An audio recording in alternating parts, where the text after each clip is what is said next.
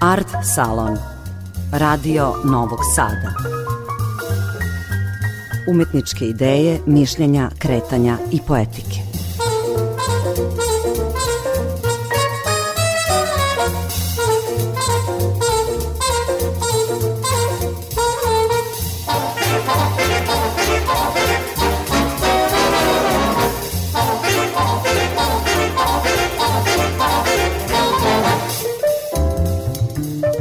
Dobroveče, dragi slušaoci, vi ste u Art Salonu Radio Novog Sada, ja sam Aleksandra Rajića, naš večerašnji gost je teatrolog, pisac i prevodilac Zoran Đerić, prvi dobitnik nagrade Oton Tomanić za teatrološku misao o pozorištu za decu i mlade.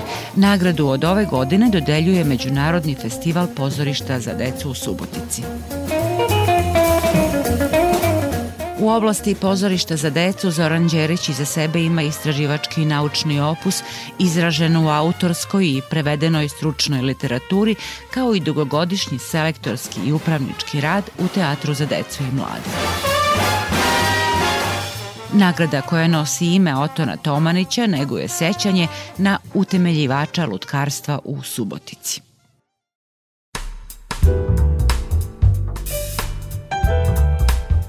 Oton Tomanić je bio pionir lutkarstva u Subotici, pre svega. On inače e, Čeh, e, došao je početkom 20. veka u Jugoslaviji, odnosno tada u Vojvodinu, i prezivao se Tomandl, ali je vrlo brzo promenio svoje prezime u Ić, tako da je poznatiji kao Oton Tomanić. On je bio inženjer i to vrlo ozbiljan u tom svom poslu i došao je kao gradski inženjer i mnogi projekti u Subotici su rađeni i pod njegovim stručnim nadzorom. Međutim, e, on je vrlo brzo otkrio ljubav prema lutkarstvu i aktivirao se u Sokolskom društvu koje se upravo tih godina nekako i osniva u tadašnjoj e, ne samo Jugoslaviji nego u celoj toj slovenskoj e, Evropi osnivaju ga Česi i ono vrlo brzo prelazi i kod nas i osnivaju brojna e, sokolska udruženja u Jugoslaviji, tako da je Oton Tomanić u jednom takvom udruženju u Subotici bio vrlo aktivan kao član, a istovremeno je e, završio taj prvi tečaj za lutkarsku režiju koji je realizovan u okviru tog nekog sokolskog društva Jugoslavije u Ljubljani i kada se vratio on je sam kreirao lutke, pravio znači pozornicu, pisao tekstove i režirao. Tako da je bio kompletan autor. Istovremeno uradio je mnoge važne stvari kada je u pitanju popularisanja lutkarstva u Subotici, ali možemo reći to i šire, zato što je bio aktivan dosta dugo i posle drugog svetskog rata, kada je to pozorište Sokolsko bilo ugašeno, pa obnovljeno kao pozorište za decu ili deče pozorište. On je isto bio prvi upravnik i e, živao je u Subotici e, do svog kraja, znači do 85. 6. godine. E, nažalost bio je malo zaboravljen e, zato što nije imao naslednike, imao jednog sina koji je negde u inostranstvu i tako i on umro vrlo brzo i ovaj, njegov grob je bio izgubljen. Kasnije su Subotičani, kada je obeležavana 70. pozorišta, onda su ga se setili i napravili jedan prigodan film. On je još uvek e, nedovoljno i poznat i nema o njemu ni tekstova mnogo, ali je bilo odlična inicijativa pozorišta za decu, odnosno Međunarodnog festivala pozorišta za decu, da se ovo ime sačuva i da se nagrada za teatrološko proučavanje pozorišta za mladi nazove njegovim imenom, e, budući da je on zaista i kao pisac lutkarskih komada i kao reditelj i kao kreator kompletnog pozorišnog miljeja, on je bio zaista značajan i po mnogo čemu jedinstven. Tako da je ova nagrada zaista vredna. Kakvu težinu nosi to što ste prvi laureat ove nagrade? Šta je to za vas? Meni je to naravno velika čast, e, e, budući da sam e, zaista u lutkarstvu dosta dugo i nekako baš u vreme kada je i umro Oton Tomanić, ja sam se za lutkarstvo zainteresovao pre svega za istoriju lutkarstva, a onda posle i za praktično delovanje u Lutkarskom pozorištu, budući da sam postao upravni pozorišta mladih u Novom Sadu i susretao sam se sa tim imenom i sa, sa nekim e, da kažemo ljudima koji su bili isto kao i Tomanić pioniri lutkarstva kod nas. Imao sam zaista tu još srećnu okolnost da sam ih poznavao budući da e, nekoliko godina su bili i aktivni i delatni oni koji su mnogo učinili za razvoj lutkarstva u Srbiji Tako da sam i ja, zahvaljujući toj činjenici, ušao u taj svet relativno rano i evo već više od 40 e, godina ja se bavim lutkarstvom na različite načine. Zašto treba posebno negovati ovaj subotički festival? E, evo već nekoliko godina govori se o malom broju lutkarskih predstava koje stižu na festival, odnosno koje se izvode u našim pozorištima. Lutkarstvo je svakako umetnost koja govori nekim specifičnim pozorišnim jezikom. Gde smo zapravo te, taj jezik zaboravili i kako ga treba održavati? Pa samo da kažem nekoliko podataka koji će možda biti rečiti. Na ovogodišnji festival stiglo je 119 prijava iz 18 zemalja, a imali smo istovremeno i e, međunarodni simpozijum o temi lutkarstva za decu, 30 učesnika iz 23 zemlje. Što znači da je u celom svetu interesovanje za lutkarstvo veliko, a isto tako i za naš festival. E, samo da kažem da je 17 predstava bilo prijavljeno iz Srbije, među njima su znači i profesionalna pozorišta, kojih ima sedam, ali isto tako ima i sve više privatnih pozorišta, trupa, trupa koje se bave lutkarstvom i pozorištima za decu. Što znači da ima i tekako smisla negovati jedan ovakav festival, e, budući da postoji znači i praksa, što je jako važno, i kada se evo ima u vidu da je ove godine pobedila predstava iz Renjanina, što zaista govori o jednom e, visokom nivou predstava lutkarskih kod nas, da one mogu da se i tekako mere sa predstavama koje dolaze iz i razvijenih zemalja, bar kad je u pitanju lutkarstvo, kao što je, ne znam, Poljska, Češka ili Rumunija, Bugarska, tako da naše predstave mogu da nas predstavljaju dostojno i zbog toga su važni festivali i kod nas i u svetu zato što se na tim festivalima vidi kakva je situacija sa lutkarstvom i vidi se e, koliko smo mi važni i koliko e, možemo da postignemo. Kakva je dakle situacija sa lutkarstvom, mislim pre svega na Srbiju i na naše pozorište? Pa jedno vreme nije bilo mnogo lutkarskih predstava, e, budući da je lutkarstvo u jednom trenutku bilo oslovljeno pre svega na domaće snage, znači na reditelje koji dolaze iz dramskog pozorišta i mnogi od njih i nemaju pravi afinitet za lutkarsku predstavu, odnosno ne znaju e, kako sa lutkama, ne znaju kako da ih animiraju. Tako da je bilo lutkarskih predstava koje nisu e, bile umetnički vredne. I to se vidi kad pogledate i produkciju poslednjih godina.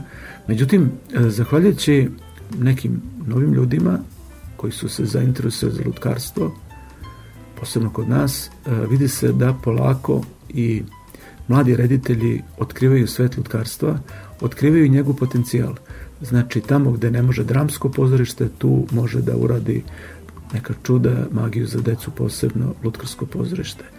Mladi reditelji, recimo poput Sonje Petrović, mogu da budu, tako da kažemo, pokazatelj tih nekih potencijala, Sonja je radila odlične predstave u pozorištu mladih i u Zrenjaninu, radila je u Banju Luci, radila je u Mostaru, u Sarajevu i zaista je pokazatelj šta se može otkriti u svetu lutkarstva i danas.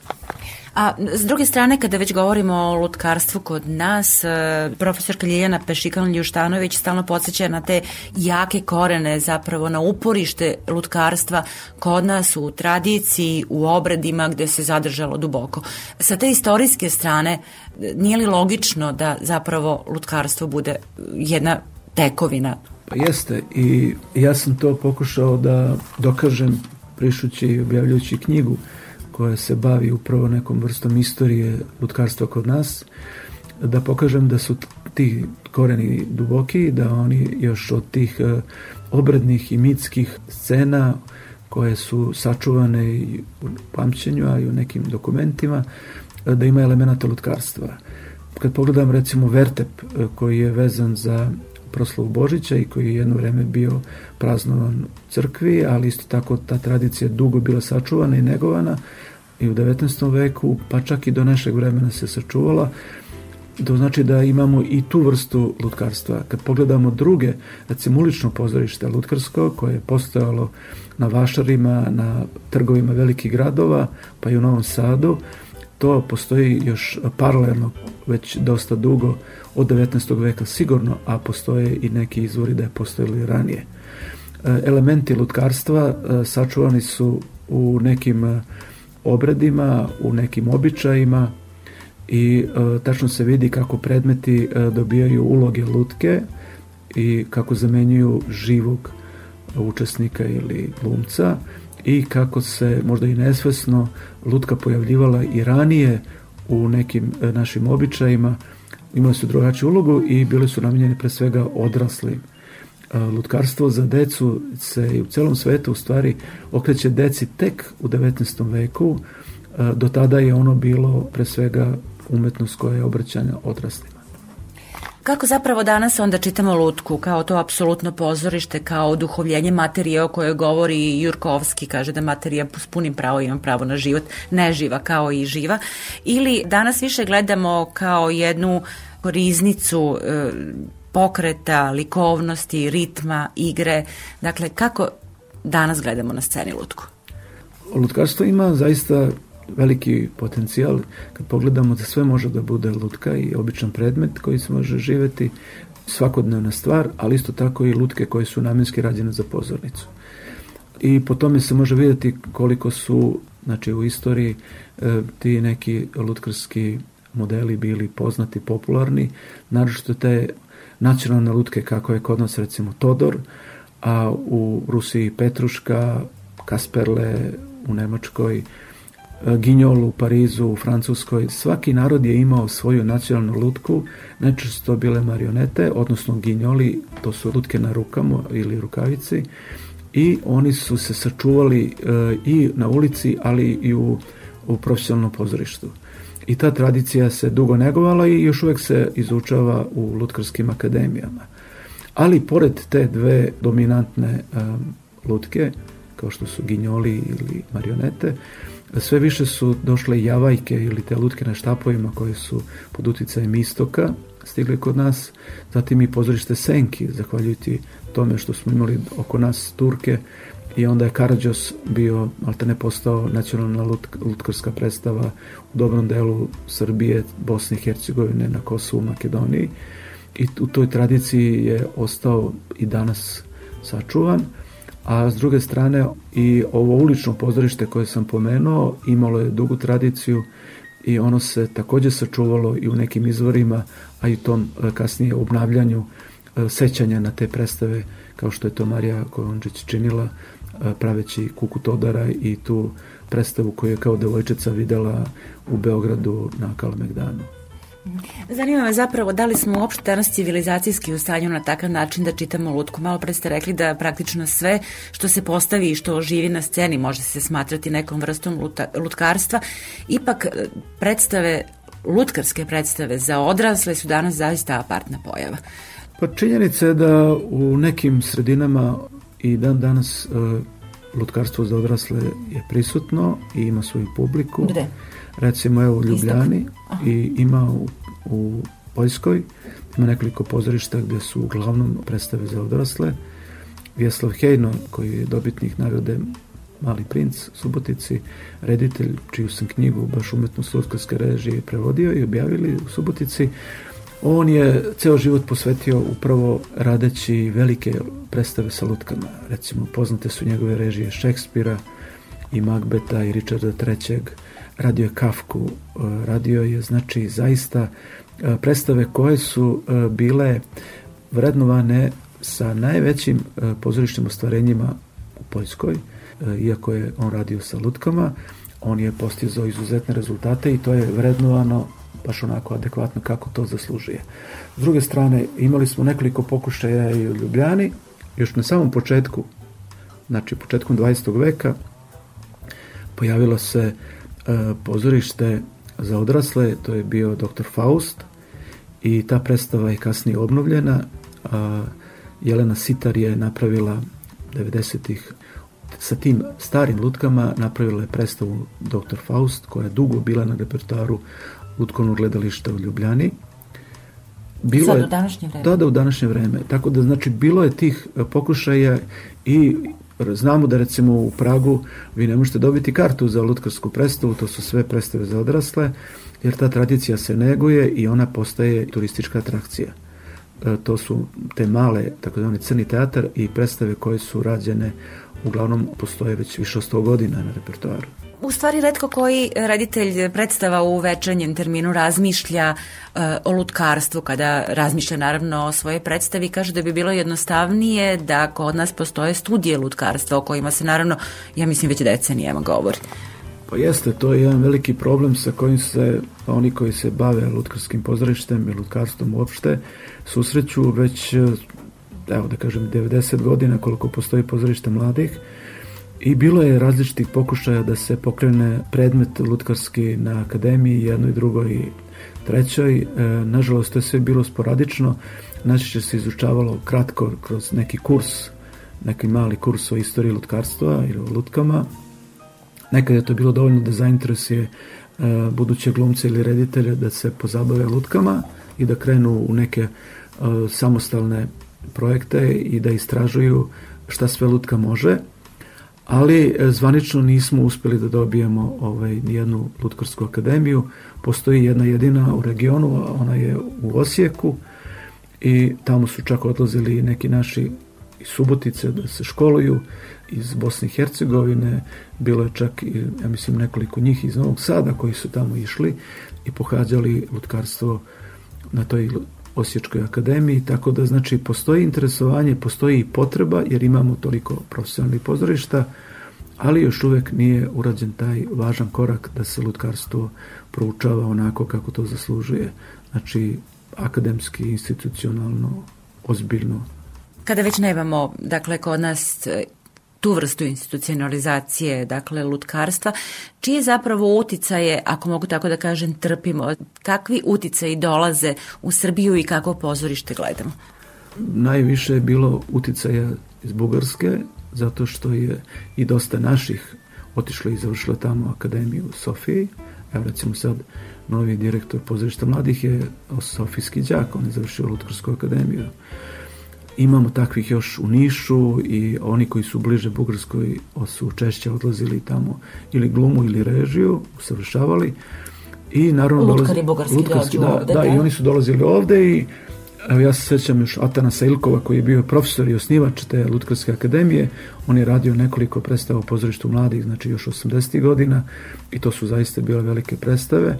Posle toga su dolazili i drugi reditelji i mlađi i ta praksa se nastavila do dana današnjeg. Sad je stalni reditelj pozorišta mladih e, Emilija Mrdaković, koja je bukvalno isto bugarski đak.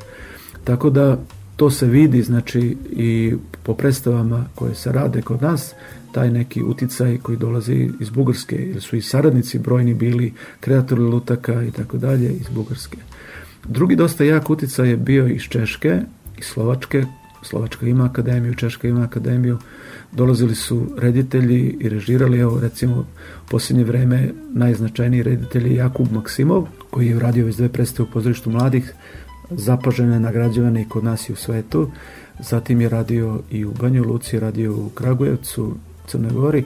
Znači, to je neka nova snaga koja radi, kao što su i nekada dolazili pre 30-40 godina značajni reditelji iz Poljske koji su radili predstave pozorištu mladih e, ili radili su u Beogradu, tako da e, možemo reći da je u jednom trenutku evropsko lutkarstvo, pre svega češko, poljsko, pa posle bugarsko, uticalo i na naše lutkarstvo i da je ta škola bila prisutna. I u opredeljenju za vrstu lutaka, a isto tako i tekstovi koji su obrađivani, to su bile klasične bajke, najčešće evropske, ali propuštene kroz vizuru e, naših reditelja.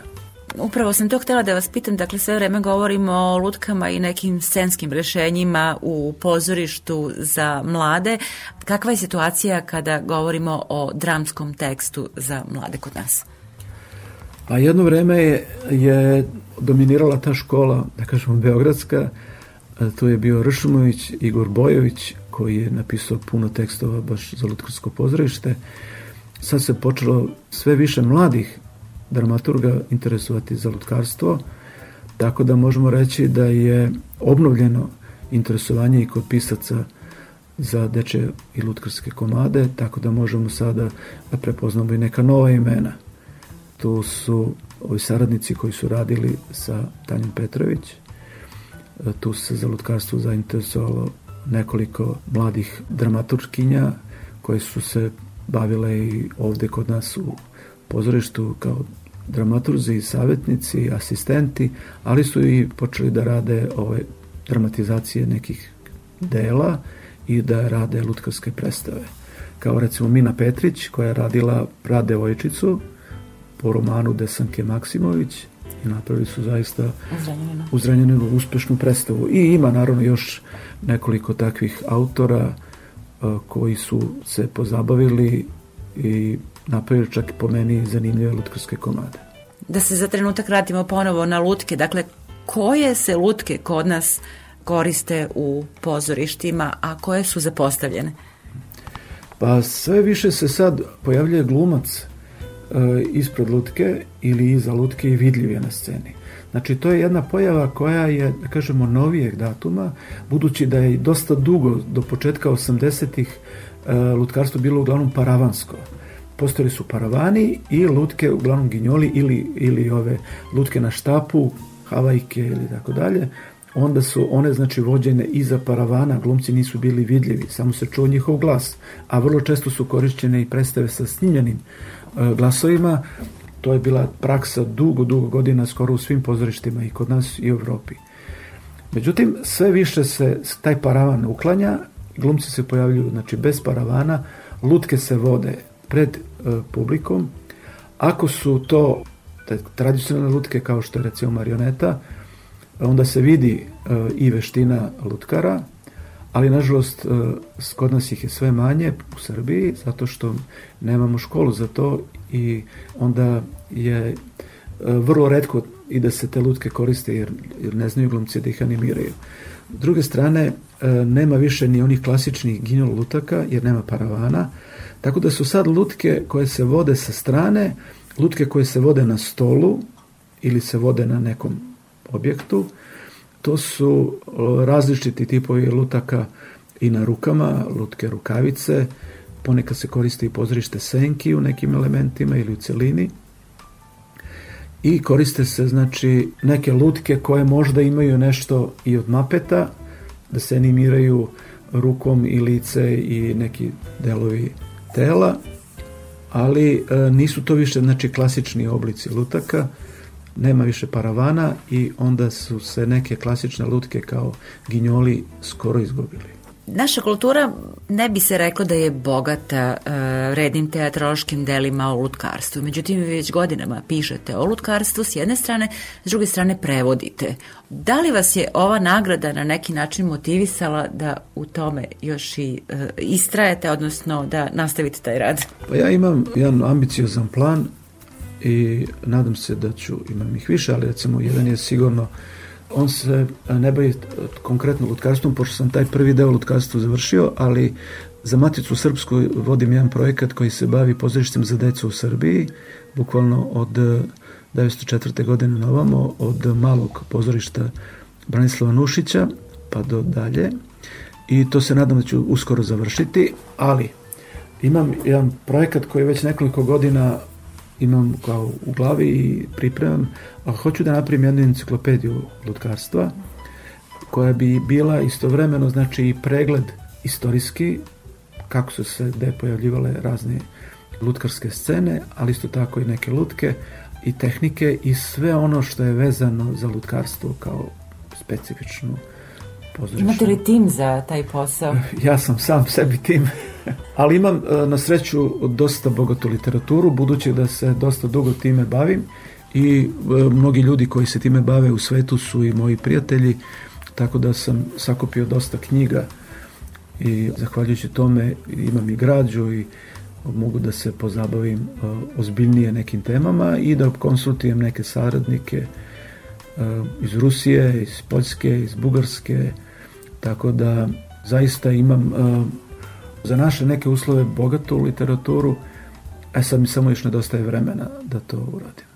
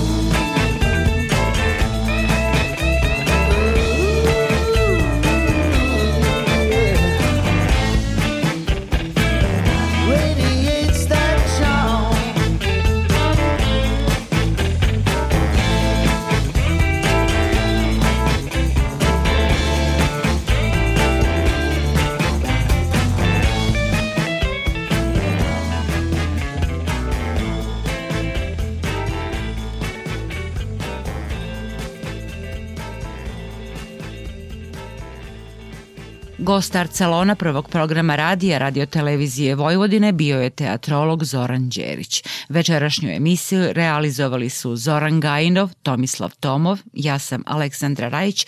Želim vam prijatno veče, čujemo se ponovo sledećeg utorka u novom izdanju emisije o kulturi.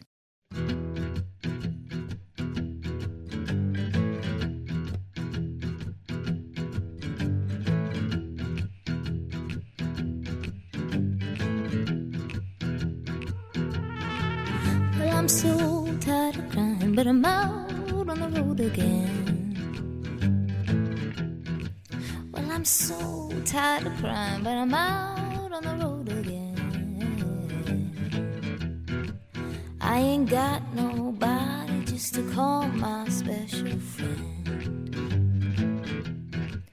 You know, the first time I traveled out in the rain and snow. First time I traveled out in the rain and snow, in the rain and snow. Oh, I didn't have no payroll, not